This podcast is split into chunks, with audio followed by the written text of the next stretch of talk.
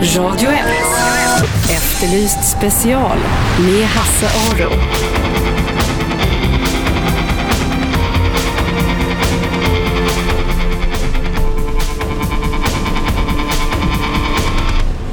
Välkomna hit till eh, Efterlyst special här på Radio 101,9, Sveriges bästa eh, pratradio, Sveriges enda kommersiella pratradio faktiskt. Vi ska börja eh, dagens övningar i Norrbotten. För, eh, för en tid sedan så inträffade då ett eh, maskerat, två maskerade män som rånade en kiosk i Björksgata centrum, Björksgata som ligger i Luleå, 3 kilometer, 3,5 kilometer utanför Luleå centrum. Per-Olof Andersson vet mer om det här på polisen i Norrbotten. Vad var det som hände?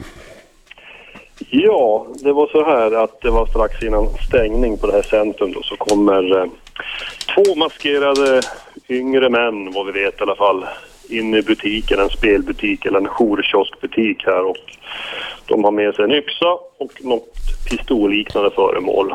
Och eh, de tilltvingar sig en mindre summa pengar då och lämnar platsen här på cykel. Det är Mm. vad som händer här vid strax före tio på kvällen här. Mm.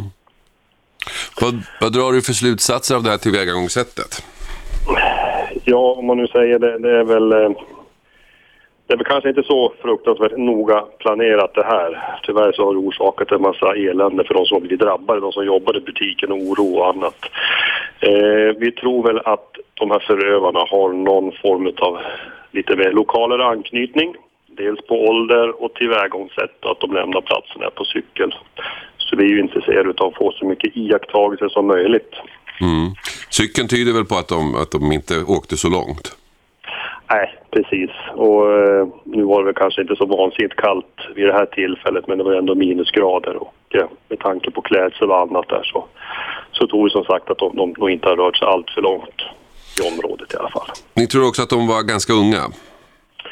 Ja, med den beskrivning som jag har fått hur de har rört sig och, och röster och annat där så tror vi kanske inte att de är allt för gamla, men runt 20 års ålder någonstans där. Mm. I det här signalementet som jag har så står det 18 till 25, eventuellt yngre.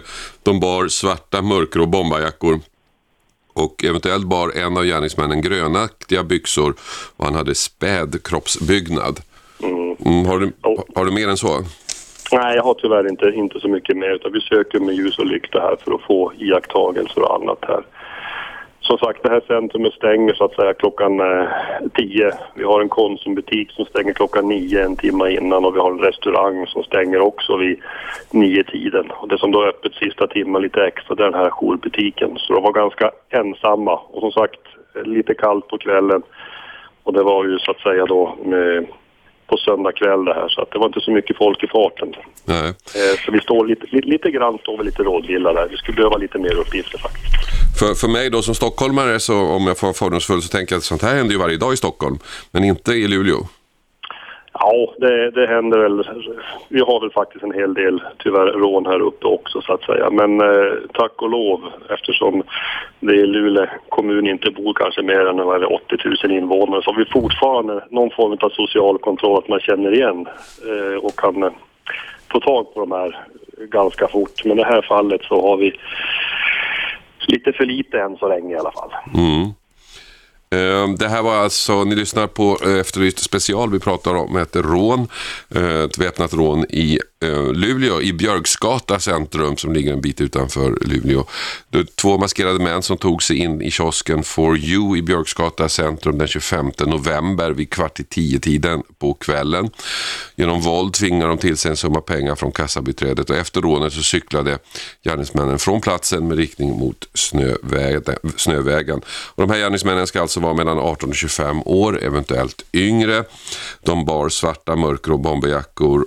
Eh, en av dem kan ha burit grönaktiga byxor och han hade också påtagligt späd kroppsbyggnad. Eh, jag pratar med Per-Olof eh, Per-Olof Andersson från polisen uppe i Norrbotten. Och, det här hade ni uppe, ni har ett lokalt efterlyst som ni sänder och det här hade ni uppe där. Jo, vi har haft uppe det här. Vi har någonting, ett samarbete med en kanal som heter 24 Norrbotten här, en nyhetskanal som finns då. En tv-kanal som har tagit kontakt med polisen då och, och eh, ja, något form av samarbete för att göra någon lite mindre variant som kallas för blåljus.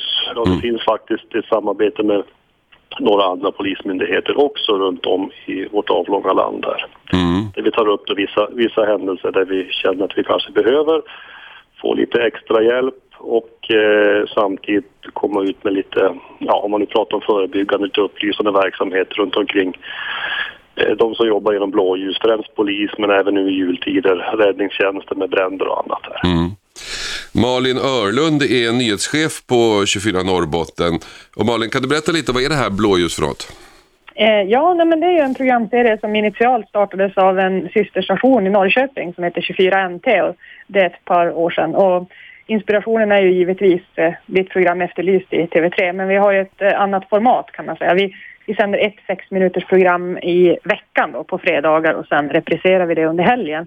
Och vårt eh, kanalformat bygger på att man på 20 minuter ska få en uppdatering både på nyheter, väder och program. Och sen rullar den här slingan dygnet runt och uppdateras. Så det är ett litet annat format. Och, eh, förutom att vi har det här då i 24 Norrbotten så har vi även eh, liknande blåljusprogram i Uppsala, Norrköping, Linköping och Helsingborg. Mm. Och det här gör ni då i samarbete med polisen? Jajamensan, vi har, polisen har avsatt ungefär en 20% i resurs som, som jobbar med programmet och, och det är tre poliser från Luleå, Boden och Piteå som turas om och jobbar då tillsammans med vår programledare Ann-Sofie Lund en dag i veckan. Mm. Eh, det här går på nätet vad jag förstår. Eh, det går på nätet också på 24norrbotten.se. Men det går, kan man se det på tv också? Nej? Eh, ja, alltså i vårat, vi, vi är, vårat täckningsområde är ju eh, fyrkanten, alltså Luleå, Boden, Piteå och Älvsbyn. Där sänder vi ju via markbundna och även via Comhem. Mm. Att, hade, men i övrigt så kan man se på nätet. ni hade uppe det här rånet i Björksgata. Mm, precis. Gav det något? Frågar de alltid mig. Nu frågar jag dig. Gav det något? Eh, alltså, vi, vi har ju inte eh, en telefonväxel på samma sätt som ni har Efterlyst utan alla tips hänvisas direkt till polisen. Så att eh, det, vi, får, vi får inte alltid, just nu vet vi att det är inte löst så att helt mycket har det ju inte gett än. Men Nej. vi hoppas väl att det ska göra det. Mm. Är det många som ser? Det är väldigt många som ser. Vi, vi har gjort sådana här enkla rammätningar under hösten och vi tycker väl att det ser ut som att det liknar succé i våra mått mätt. Alltså det, det program som enligt vår tittarpanel eh, väcker störst intresse av de programmen som vi sänder idag. Mhm. Så, så det är kul. Men om jag då får vara fördomsfull igen här. Finns det material nog att fylla det här programmet i Norrbotten? Eh, ja, vi har ju haft en, en ganska många eh, händelser här faktiskt under året som har varit väldigt uppmärksammade på, på riksplanet till och med. Men eh, i, mellanåt är det ju lite lugnt och då har vi ju följt med. Eh, då har vi gjort annan typ av program kan man säga, lite mer av dokumentärstuket. Alltså vi har fått följa med ordningspolisen i natt. De har varit och tränat med polishundarna. Vi har varit på SKL i Linköping och sådär. Så vi eh, bygger det lite beroende på vad som händer kan man säga. Men Mm. att det är inget problem att fylla kan jag meddela. Per-Olof, du, du brukar vara med i det här programmet. Ja, det, tyvärr är det så att en del får se mitt ansikte, ja. vad, vad tycker du att det ger? Ja, det, det, det som är positivt det är att vi kanske får ut eh, på det sätt som polisen arbetar. Att det kanske inte är helt så enkelt alla gånger. Och det som då är andra positiva det är att vi, vi får ut ett budskap och vi kan ju kanske snabbt få in en del uppgifter. Och det här är ju ett nystartat program sedan i höstas här. Så att vi, vi ser att det ramlar ju in. Ju mer det faller i folks medvetande och folk tittar på det här och de förstår att de kan ringa och lämna uppgifter så kommer det ju tips allt eftersom. Så det ramlar in ett och annat tips där man har liksom sett på det här blåljuset och, och vill förmedla egna iakttagelser så vi kan komma vidare. Men om man säger så här, de, de flesta ärenden som vi lägger upp här i, i blåljus det är ju som lite krångligare ärenden när vi kanske har kört fast eller att det ser lite tufft ut redan från början och vi försöker komma igång så fort som möjligt. För det är som all polisverksamhet, det är de här första dagarna som är faktiskt de viktigaste, speciellt när det är våldsbrott och annat. Mm, mm. Ja, Det brukar jag säga när jag är ute med föreläser ibland hos olika polisdistrikt att vänta inte för länge därför att vi kan, eh, man kan använda media redan från start. Jo, precis. Och det, det, problemet är många gånger att vi, vi har ju ett, ett, ett bevisläge där, det kanske du känner till genom åren med, med ditt engagemang i Efterlyst där också. Att det, det är viss information som man kanske inte alltid kan gå ut med utan då är det ju annan information som man då kanske vill vill få så att säga och då kanske media kan vara svår att använda alla gånger utan det, ja, det, det är lite si och så men jag tycker vi får jättemycket hjälp då ifrån, från eh, alla, alla medier här uppe och framförallt inte då 24 Norrbotten här då, som, som ställer upp med den här biten och eh, gör ett proffsigt program helt enkelt. Mm. Malin, eh, du som är nyhetschef, vad har ni nästa gång? Vet du det? Eh, eh, nästa gång, det var en jäkla bra fråga. Ja, jag vet det. faktiskt inte vad, vad Ann-Sofie har eh, dragit igång faktiskt. Nej. Det var vecka.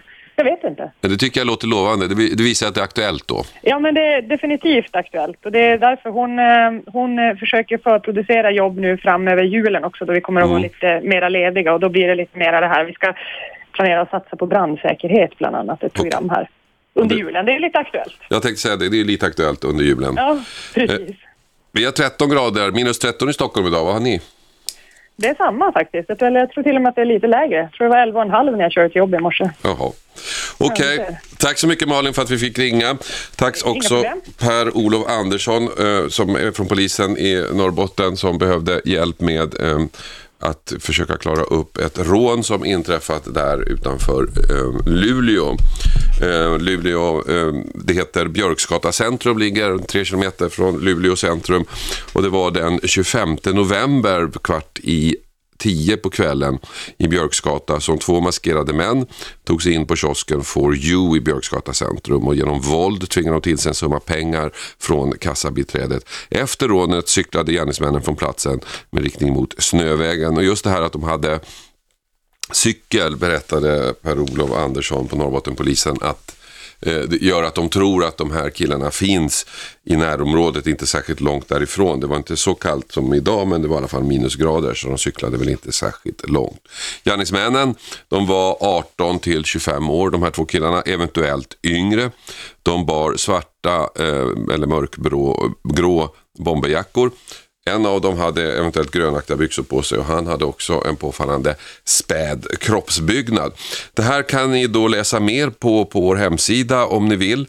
Eh, Efterlyst.tv3.se kan ni gå in där eh, och läsa om detaljerna. Där står också var ni kan lämna tips. På den hemsidan så kan ni också, ett tips, kan ni lyssna på det här radioprogrammet via den hemsidan. Eller så går ni in på Radio 1, eh, hemsidan Radio 1 med en etta. Och eh, där kan ni klicka er fram till Efterlyst special. Det är bra att veta kanske om man inte är i Stockholm. Eller så kan ni göra som många har gjort. Jag till exempel laddat ner en sån här app till den smarta telefonen. Om man nu har en sån eh, som den heter R1, den appen, så laddar man ner den och så Eh, kan man lyssna via eh, mobiltelefonen. Efterlyst special heter programmet, 101,9 heter frekvensen. Vi ska fortsätta efter pausen och då ska vi prata om något helt annat. Jag läste en intressant artikel i Expressen i helgen som handlar om minkuppfödning. Eh, vilket visade sig vara en ganska lönsam sysselsättning. För 50 år sedan fanns det ungefär 1500 minkuppfödare i Sverige. Nu är antalet nere i 60-70 stycken. Och det beror alltså inte på, som till skillnad från andra delar av det svenska lantbruket, på att det skulle vara olönsamt. Nej, orsaken är terror. Eh, 341 allvarliga attentat har inträffat mot svensk pälsindustri mellan 2003 och 2010. Och det är tre gånger fler än i Spanien till exempel som ligger på andra plats. Och i Danmark där man har ungefär 20 gånger fler farmer än i Sverige så polisanmäldes bara åtta brott under samma tiden samma tid. Bland annat så har eh, minkuppfödare fått brev skrivna i blod och för så sent som för någon vecka sedan så släpptes 1500 minkar ut från en minkfarm. Eh, minkarna kommer ju dö ute i naturen men för minkfarmaren är det naturligtvis katastrof därför att det är en gång om året som man eh, slaktar de här och tar pälsen ifrån dem och det är i november. Och om man då släpper ut dem så har man då förlorat ett helt års inkomst. Är det här rimligt? Är det rimligt att en eh, laglig näring som, som eh, utförs enligt alla regler som finns, att den ska upphöra för att de är utsatta för terrorattacker? Eller är det så att vi ska inte ha pälsar helt enkelt? Vad tycker du? Lyssna på eh, debatten efter pausen och ring gärna in din åsikt. Radio 1. Efterlyst special med Hasse Aro.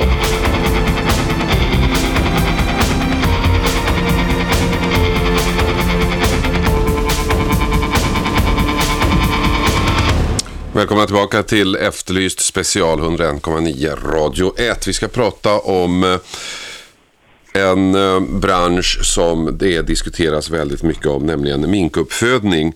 För 50 år sedan så fanns det 1500 minkuppfödare i Sverige. Nu är antalet nere i 60-70 stycken. Och det här beror inte på att branschen på något sätt skulle vara olönsam. Nej, tvärtom, den är ganska lönsam. Utan det beror på terror att de här pälsuppfödarna utsätts för terror. Och enligt eh, Sveriges pälsuppfödares riksförbund så utfördes 341 allvarliga attentat mot svensk pälsindustri mellan 2003 och 2010. Tre gånger fler i, än i Spanien som ligger på andra plats. Och i Danmark som har 20 gånger fler farmer än i Sverige så polisanmäldes bara åtta brott under samma tid. Men i Sverige alltså så 341 allvarliga attentat mot pälsfarmare. Eh, Johan Dahlén är vd i Sveriges pälsdjursuppfödares riksförbund. Det här är alltså verkligheten för de som, som, som eh, föder upp minkar. Ja, tyvärr är det så. Det är eh, den verkligheten som vi har levt med de senaste 30 åren kan man säga. En eh, ständig eh, attack och en ständig, ständiga hotbilder mot mina medlemmar. Mm. Och det var ju bara någon vecka sedan som, som det släpptes ut 1500 minkar från en farm. Ja, det stämmer. Eh, det är en hel del andra, men det var väl det mest uppmärksammade i höst här, eh, det här utsläppet i Skaratrakten. Vi har också haft eh, en situation där man har tagit sig in och spraymålat djuren med, eh, med, eh, med färg helt enkelt. Ett eh, stort antal djur eh, och liknande sådana attacker som vi haft under hösten. och gemensamt för de här aktionerna det är ju att man inriktar sig mot den enskilda näringsidkaren. Alltså det är helt uppenbart att det är viktigt viktigare att tillfoga den enskilda näringsidkaren ekonomisk skada och att hota och skrämma personen än vad det är att man bryr sig om djuren. För att de djur som släpps ut de eh, dör på ett betydligt mer utdraget och mer plågsamt sätt än vad de skulle ha gjort under kontrollerade former. Mm. Eh, de djuren som, släpp, som får färg på sig, de, eh, alltså minken är ett renligt djur, de slickar på sig tills färgen, eh, alltså tills man slickar hål på huden Eh, om de inte avlivas i, i tid. Eh, så att man, man gör inte djuren en tjänst eh, och jag tror egentligen inte att man tror att man gör det heller utan man, man eh, är beredd att offra de här djuren för att eh, helt enkelt tillfoga en enskild näringsidkare ekonomisk skada. Mm. Och när man släpper ut vad jag förstår eh, djur eh, i, så här i, på hösten då är det precis innan de ska säljas och, och eh, uppfödaren ska få betalt för ett års arbete. Ja, det stämmer. det stämmer. Och därför är det ju framförallt på hösten som man slår till. Där ser man en tydlig ökning i den här typen av attentat. Att man, eh, det är då som eh, brottsfrekvensen är som högst. Mm. Varför är det här så, så vanligt i Sverige tror du? Vad, vad är det som skiljer Sverige från till exempel Danmark? Man kan säga så här att eh, under, under allt för lång tid så har man inte tagit den här brottsligheten på allvar och det, det har jag mött. Jag, jag har träffat justitiedepartement, jag har träffat justitieutskott, jag har träffat eh, kriminalpolis, jag har träffat eh, eh, rikspolisen och alla säger precis samma sak. Vi hade inte en aning om att det såg så här illa ut och det är inte så konstigt egentligen för Svensk polis jobbar inte på samma sätt med djurrättsaktivism som man gör med andra typer av extremism, till exempel politisk extremism eller gängkriminalitet. Man har alltså inte en samlande nationell enhet där man jobbar då dedikerat med den här typen av frågor. Om man tar ett exempel här, alltså de här fallen som har varit nu i höst till exempel, som har varit på olika håll i landet. Vart och ett av dem utreds av lokal polis. Eh, vilket gör att man har inte ens en brottskod hos polisen för att samla alla den här typen av brott. Så att om det begås 100 brott under ett år eh, som har anknytning till djurrättsaktivism så eh, kommer de utredas av polis, eh, lokal polis på varje håll. Eh, vilket gör att hade man haft en samlande nationell enhet så hade man med lätthet och utan några större ekonomiska insatser bara kunnat arbeta på ett annat sätt. Då hade man kunnat knyta de här brotten till varandra och se att de faktiskt ingår i ett betydligt större och mer, eh, större mönster och en mer organiserad brottslighet. Eh, och den här brottsligheten har ju, får ju då vad jag förstår till följd att en bransch som i övrigt är lönsam eh, tynar bort därför att folk vågar inte hålla på helt enkelt. Ja, det är halva sanningen kan man säga. Alltså, det, det är så att man har minskat antalet farmer eh, och de här extremisterna de berömmer sig ofta av att de lyckas stänga minkfarmer. Men faktum är att de här illegala aktionerna i praktiken så har de mycket liten effekt. För om man tittar på de senaste tio åren så har ju då som, som du säger antalet minkfarmer minskat stadigt men produktionen i Sverige den är ändå ungefär densamma som den var för tio år sedan.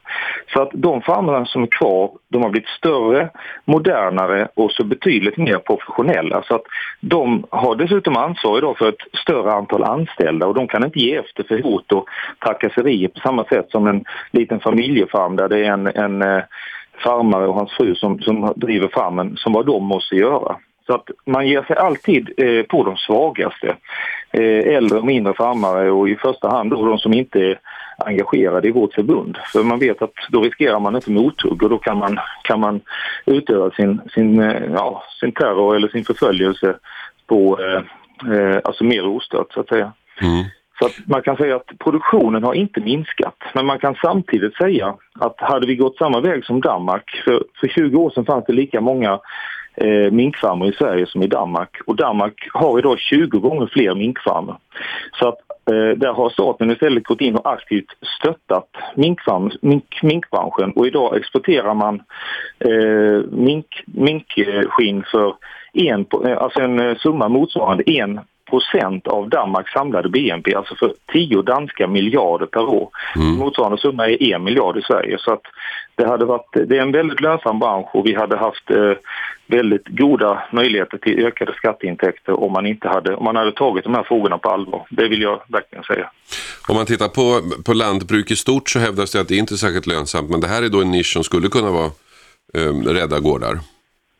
Ja, utan tvekan kan man säga. Och ser man på våra grannländer som Finland och Danmark så går, går tendensen i den riktningen. Det är många grisbönder som sadlar om och satsar på mink eh, därför att lönsamheten är så god just nu. Den mm. är, är en enorm efterfrågan från just Kina och världens pengar finns i Kina just nu.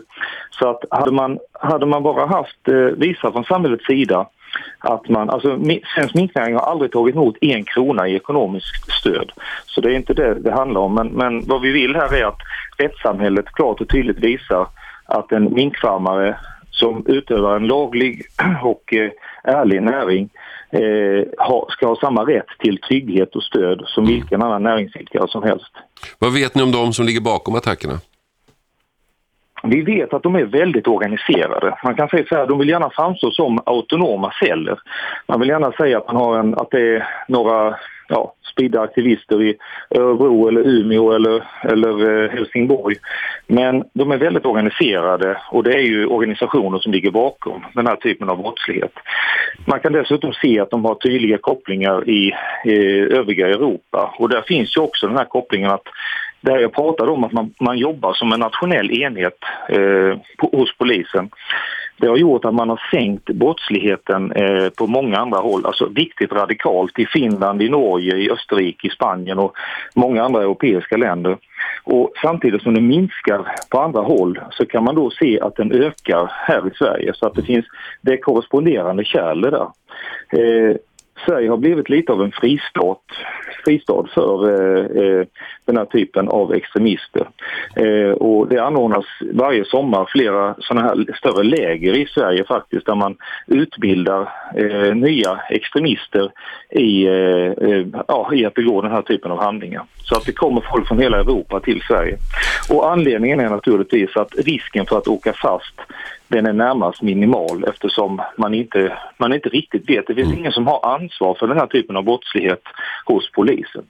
Så att, det vill jag verkligen betona. Det, vi, polisen är varken lat, oduglig eller på något sätt. Polisen gör vad de kan utifrån sina resurser. Men man skulle vara hjälpt av att få eh, eh, arbeta på ett annat sätt. Så det, är en, det, det, är egentligen Rikspolisstyrelsen här som har, har bollen i de här frågorna. Okej, okay, tack så mycket för att vi fick eh, ringa eh, till dig Johan Dahlén, alltså VD i Sveriges pälsuppfödares riksförbund. Detta med anledning av att eh, vi pratar om minkfarmar pälsuppfödare helt enkelt. Ehm, en bransch som är lönsam. Det finns en stor efterfrågan på mink i, från Kina inte minst. För 50 år sedan fanns det 1500 minkuppfödare i Sverige. Nu är antalet nere i 60-70 stycken och det beror till stor del på att de här minkfarmarna utsätts för terror av djurrättsaktivister. Eh, 400, 341 allvarliga attentat riktades mot pälsindustrin mellan 2003 och 2010 i Sverige och det är 20 gånger fler än eh, Eh, nej, det är tre gånger fler än i Spanien som ligger på andra plats. Men i Danmark som har 20 gånger fler farmer inträffade bara åtta brott under samma tid. Är det här okej? Okay? Ska en näring få hotas av folk som tar, på, tar sig rätten att förstöra för ekonomin för de här människorna? Eller är det så att pälsar är det är någonting förlegat, någonting vi borde gå vidare ifrån och släppa. Vad tycker du? 0200 11 12 13. Ring in och säg vad du tycker. 0200 11 12 13. Radio 1. Efterlyst special med Hasse Aro.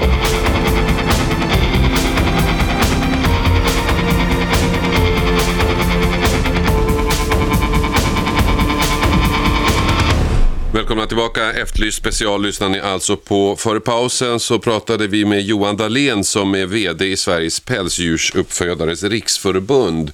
Och detta med anledning av ett uh, antal attentat som har skett mot uh, pälsuppfödare, minkfarmare den senaste tiden. På en farm utanför Skara så släpptes för någon vecka sedan 1500 minkar ut Eh, till en säker död. Eh, och en vecka senare så var det i en farm i Skåne som eh, djurrättsaktivister bröt sig in och sprayade färg på ett tusental minkar. Och enligt eh, Johan Dahlén så innebär det här att minkarna slickar sig tills de slickar hål på huden för att eh, komma undan det här för att bli rena. Är det här okej okay att eh, attackera och terrorisera en laglig bransch på det här sättet? Vi hade för 50 år sedan 1500 minkuppfödare i Sverige. Nu är vi nere i 60-70 stycken. Eh, och det beror, menar då branschen, bland annat på alla terrorattentat. De är utsatta för 341 eh, allvarliga attentat mellan 2003 och 2010. I Danmark som har 20 gånger fler farmer än Sverige så polisanmäldes bara 8 attentat under samma tid. Ring in och säg vad du tycker. 0200 11 12 13. Är det här okej okay, eller är pälsar någonting som är förlegat? Susanne, du har ringt. Ja, hej. hej. Jag, tror att, jag tror inte att det har så mycket en, en fråga om att de här djurrättsaktivisterna vill eh, förstöra en näring. Jag tror att om själva pälsuppfödningen sköttes på ett annorlunda sätt så skulle det möjligen kunna tolereras. Mm. Men det är ju så att eh, den här näringen har misslyckats i sina försök att åstadkomma förbättringar när det gäller djurhållningen. De här stackars, stackars eh, vad heter det, eh, minkarna till exempel, deras korta liv tillbringas i burar som är så små att de inte kan ta några, mer än några få, få steg från det ena hörnet till det andra. Och de har aldrig fått uppleva något annat än galler under tassarna. Och de har aldrig fått eh, simma eller jaga eller, eller, eller liksom eh, röra sig fritt i mm. naturen. Mm. Och, och de är ju precis som alla andra de här ryggradsdjuren kännande varelser som behöver stimulans mm. och valmöjligheter för att ge uttryck åt sina naturliga beteenden. Men, men eh, det, det skiter ju pälsindustrin i, utan det är bara mass, massproduktion. Men är det du, handlar men, egentligen om djurplågeri. Det är djurplågeri det handlar om. Men det är ju så att det, det finns ju kontrollmyndigheter för det här och på, på Länsstyrelsen så har man inga synpunkter och man menar att andelen skadade djur är oerhört liten. Ja, i Norge har tydligen en stor undersökning där det finns skräckbilder från, från hur det verkligen förhåller mm. sig. Och den avlivningen sker, jag läste här på något, någonting på nätet om att um, eh, över en miljon minkar som bara sex månader gamla kastas ner i en låda som fylls med koldioxid. Och mm. inandning av koldioxid är plågsamt för alla ryggradsdjur. Mm. Och det står i en rapport från en EU-myndighet som har undersökt avlivningsmetoder. Men det är en billig avlivningsmetod. Problemet är ju att man kan inte ha det, det, vi, vi, måste vara kännande varelser mot alla djur och det är ju plågeri att de här, de här trånga burarna och bara galler över fötterna. Men skiljer det sig på något sätt menar du till exempel hur vi behandlar höns? Nej, där, och där har det ju införts allt strängare regler och vi ligger väl efter överallt i hela världen och gris, med grishanteringen är ju ännu värre.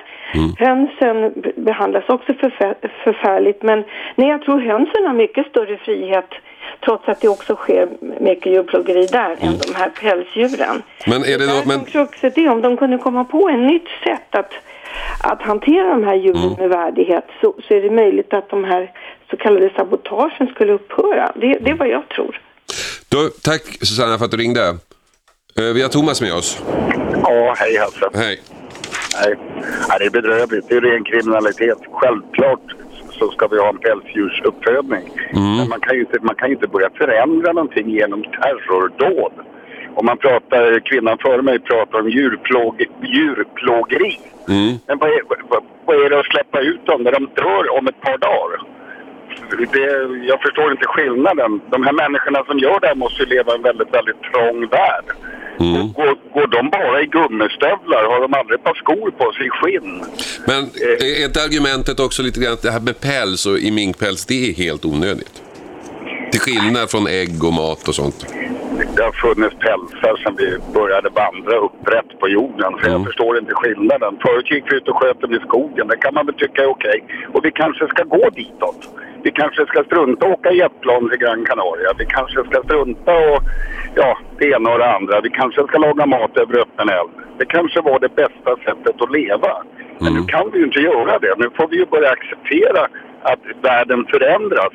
Och vill jag förändra någonting så är det väl bättre att politiskt gå in och försöka förändra någonting, att mm. göra det bättre. Mm. För om, eh, misskötsel finns ju i alla branscher. Om jag ser skräckexempel som är djupt tragiska både för minkar och exempelvis hästar som missköts skapar det mig en automatisk rätt att springa runt och släppa lös hästar. Nej. Jag förstår inte resonemanget. De här människorna är barnsliga. Jag förstår inte vad de tjänar på att göra det här. Sitter de sen och klappar varandra på ryggen, de får ju aldrig någon credit för det. De törs ju aldrig stå för det de har gjort. Precis. Du, tack för att du ringde. Vi ska höra för fler här. Hallå, vem har vi där? Hallå, ja. Ja, vem är det? Jag, Irene. Hej, ja, hej. jag skruva ner radion. Ja. Eh, åh, vad skönt att jag kom fram. Mm. Eh, Susanne hette hon det som pratade. Ja, det hon sa, det var väl i och för sig det jag också vill säga. Så att jag vill mm. verkligen säga hurra och bra Susanne.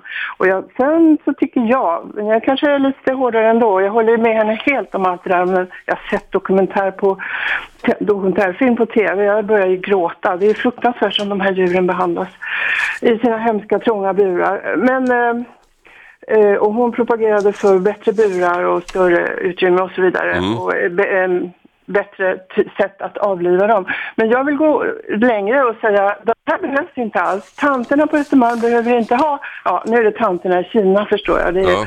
ja. de behöver inte ha mink. Det går att, eh, om man absolut måste ha päls så kan man gå i fårpäls tycker jag, det gör jag. För att fåren föder man ändå upp på ett oftast fint sätt för att sen döda för att äta. Och då står man där med pälsen och då kan man göra en päls. Minkar ska inte finnas i bur, tanterna ska inte ha minkpäls. Aldrig, det behövs inte. men, men, men jag menar, vem är du då att bestämma det? Ska man inte få bestämma själv vad man ska på sig? Näringen är, alltså näringen är ju laglig. Det är inte förbjudet att odla mink. Det är ju lagligt. Ska då inte jag som har rätt att bestämma själv vad jag vill ha på mig? Eh, ja, nu säger ju inte jag att det här bestämmer jag, utan Nej. det här tycker jag ja. och det här vill jag. och så önskar jag att det ska bli. Och jag tror att det kommer att bli så även om, om det kommer att dröja. Han, mannen tror jag det var som fick prata jättelänge mm. ja. för sin sak. Ja. Uh, han, eller om det var du ställde frågan varför är det så här i Sverige medan man minsann uh, föder upp jättemycket minkar i alla andra mm. länder. Just svaret på det är att vi är ett upplyst land. men, men hur upplyst är det att släppa ut dem till säker död? Ja, alltså det Är inte det djurplågeri? Uh, ja, men det är väldigt kort. Om jag fick välja mellan... Men du, vet du, de, de, när man avlivar de här i de här burarna, det tar 14 sekunder. När man släpper ut ja. dem så tar det flera dagar. Susanne sa att de avlivades på ett plågsamt sätt. Men det ja. Där, ja, får jag bara säga ja. på din fråga att eh, jag, om jag var mink, skulle hellre vilja springa, springa, springa i frihet i tre timmar och sen dö än att leva hela mitt liv i en sån här fruktansvärd bur. Så är det. Okej, okay, bra. Då vet jag det. Tack ska du ha för att du ringde. Tack. Radio 1 lyssnade på Efterlyst special. Vi pratar minkpälsar, eller vi har pratat minkpälsar. Efter pausen ska det handla om något helt annat. Radio 1. Efterlyst special med Hasse Aro.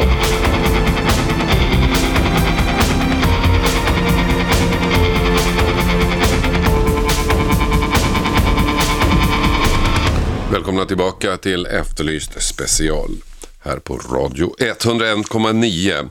20-åriga Jimmy Hög i Norrköping är fortfarande försvunnen. Han försvann förra helgen någon gång på natten mellan eh, lördag och söndag. Han hade varit ute och han sågs eh, när han lämnade krogen. Han var på klädd i ganska tunna kläder eh, och sedan dess är han borta. Polisen har letat eh, överallt, fortfarande inga som helst spår efter honom. Så här sa eh, Jimmys pappa Jörgen Hög när jag pratade med honom för en tid sedan. Vi åkte hem till hans lägenhet på söndagen klockan, klockan tre och då förstod vi när vi kom in i lägenheten att, eh, att det var något konstigt. För han brukar alltid höra av sig hem och sådär på förmiddagen. Mm. Och då tog vi tag i och började ringa runt och försöka få tag i honom. Vad har ni gjort, vad har ni gjort mer för att liksom försöka hitta honom? Ja, vi har ju kontaktat alla tidningar som man kan göra så mycket som möjligt av. Missing People har vi ju anlitat då. Hans jobb på Vattenfall har ju varit ute med båtar. Han, eh, vi känner honom rätt så väl, Peter Ekdahl där. Och han har gett Ekvall. Han har gett eh, hjälp oss så mycket han kan om alla från Vattenfall som åkt runt och letat och, alla vi känner har varit hjälpt oss att leta. Jag vill tacka till alla som har hjälpt mig så mycket som de kan. Mm. Ja. Vad, gör, vad gör ni nu? Nu åker vi, nu själv håller jag på och skulle, skulle gå ifrån Puls och se vart man kommer på de här två timmarna inom stadsgränsen. Det vi vet är att telefonen stängdes av inom promenaden i alla fall då. Mm. Om man hade den med sig och själva gå och håller vi på. Jag ska gå vart man nu kommer på de här tiden som är borta om man säger då. Uh, nu åker vi ner vid hamn och letar i alla sådana konstiga ställen i Norrköping där båtar och sånt där stiger. Vet du. Mm. Uh, va, Jim, vad är det för kille? Kan du beskriva? Han uh, var en fotbollskille från början. Spelade mycket aktiv fotboll och höll på så. Sen, eh, ja, skolan har gått bra. Han vart ju elektriker och, och precis nu i, har han jobbat ett och ett halvt år på Vattenfall och skulle eh, ha fått fast anställning från den här veckan då på Vattenfall i stort sett. Mm. Eh, hade egen lägenhet, egen bil, ordningsam, bra ekonomi. Eh, han var pålitlig. Många har tytt sig till honom om man säger. Mm. Ja. Vad, du måste ju ha funderat väldigt mycket de här dagarna. Eh, vad tror du har hänt? Ja, jag har funderat på självmord. Eh, han var separerad. Hans tjej eh, försvann ju för två och en halv månad sedan. Och eh, där tog han väldigt hårt då. Och jag har läst brev som han har skrivit till henne eh, så då, då, då de tankarna, alla tankar försvinner ju hela, eller kommer upp hela tiden vad som kan ha hänt och vart han kan ha tagit vägen. Och jag har pratat med hans eh, gamla flickvän men till henne har han ju sagt att han aldrig skulle kunna ta livet av sig. Det har han ju även sagt till mig för han har ju pratat med mig om det här att eh, separationen om man säger va. Mm. Och jag har sagt att eh, det tar ju, det är något som man kommer få ha hela livet. Det sitter ju i hjärtat om man säger va. Mm. Så det kommer att bli, det blir bättre.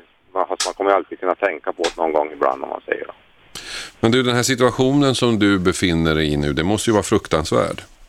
Ja, det är... Det, jag visste ju inte första dagen om, om det var värt att leva längre. Det, det, han satt ju så djupt i hjärtat på mig om man säger. Mm. Det, det är det bästa man har. Mm. Eh, Eh, Jörgen, häng kvar. Vi ska prata med Peter Aronsson på Norrköpingspolisen som leder spaningarna. Vad, vad är det senaste ni har? Ja, det senaste vi har är att eh, en kvinna ringer in till oss och gjort vissa observationer ute vid Lindö kanal vid eh, Bröderna Edstrand för de som bor här i området. Då. Och där har vi varit ute och kontrollerat upp de här uppgifterna och vi har tyvärr då inte kunnat se någonting på platsen.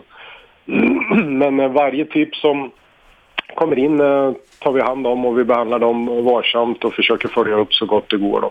Mm. Och eh, tyvärr så har det ju inte ändå varit någon, burit någon frukt de spår som har kommit in.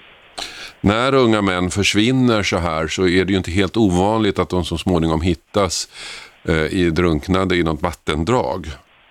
Är det en teori som ni jobbar efter? Eh, ja, givetvis är det en av de teorier vi, vi arbetar efter. Och eh, då är det ju så att den här Motala ström i Norrköping, den ligger ju väldigt nära det här krogområdet och eh, det händer ju emellanåt att personer ramlar i vattnet där mm. utav olika anledningar. Vad är det ni har gjort hittills i, eh, i sökningarna? Eh, hittills så har ju räddningstjänsten varit nere och dykt i Motala ström. Vi har letat eh, mycket med hjälp av eh, Missing People som har fått eh, uppdrag, fått uppgifter om olika sökområden utefter de uppgifter som vi har fått in från anhöriga. Vi har även varit ute med våra egna hundar och följt upp de spår som uppkommit efterhand när bland annat Missing People har varit ute och letat.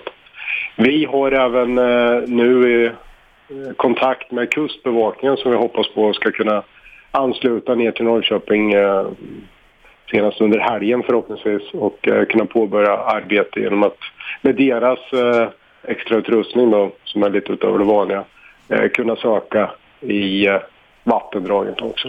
Mm. Är det det som återstår att göra? Alltså i nuläget så är det ju, vi har inga spår att gå på som, som tyder på att, att eh, vart Jimmy har tagit vägen. Det är precis som Jimmys pappa Jörgen berättar att eh, vi har ju sett på övervakningsfilmen att Jimmy lämnar eh, restaurang Puls vid 03.08 cirka.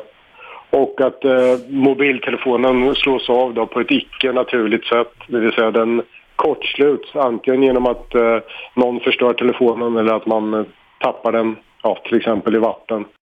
Så sa alltså polisen i Norrköping med anledning av Jim Högs försvinnande. Det var förra helgen som han försvann och fortfarande har han inte hittats. 101,9 Radio 1 Sveriges nya pratradio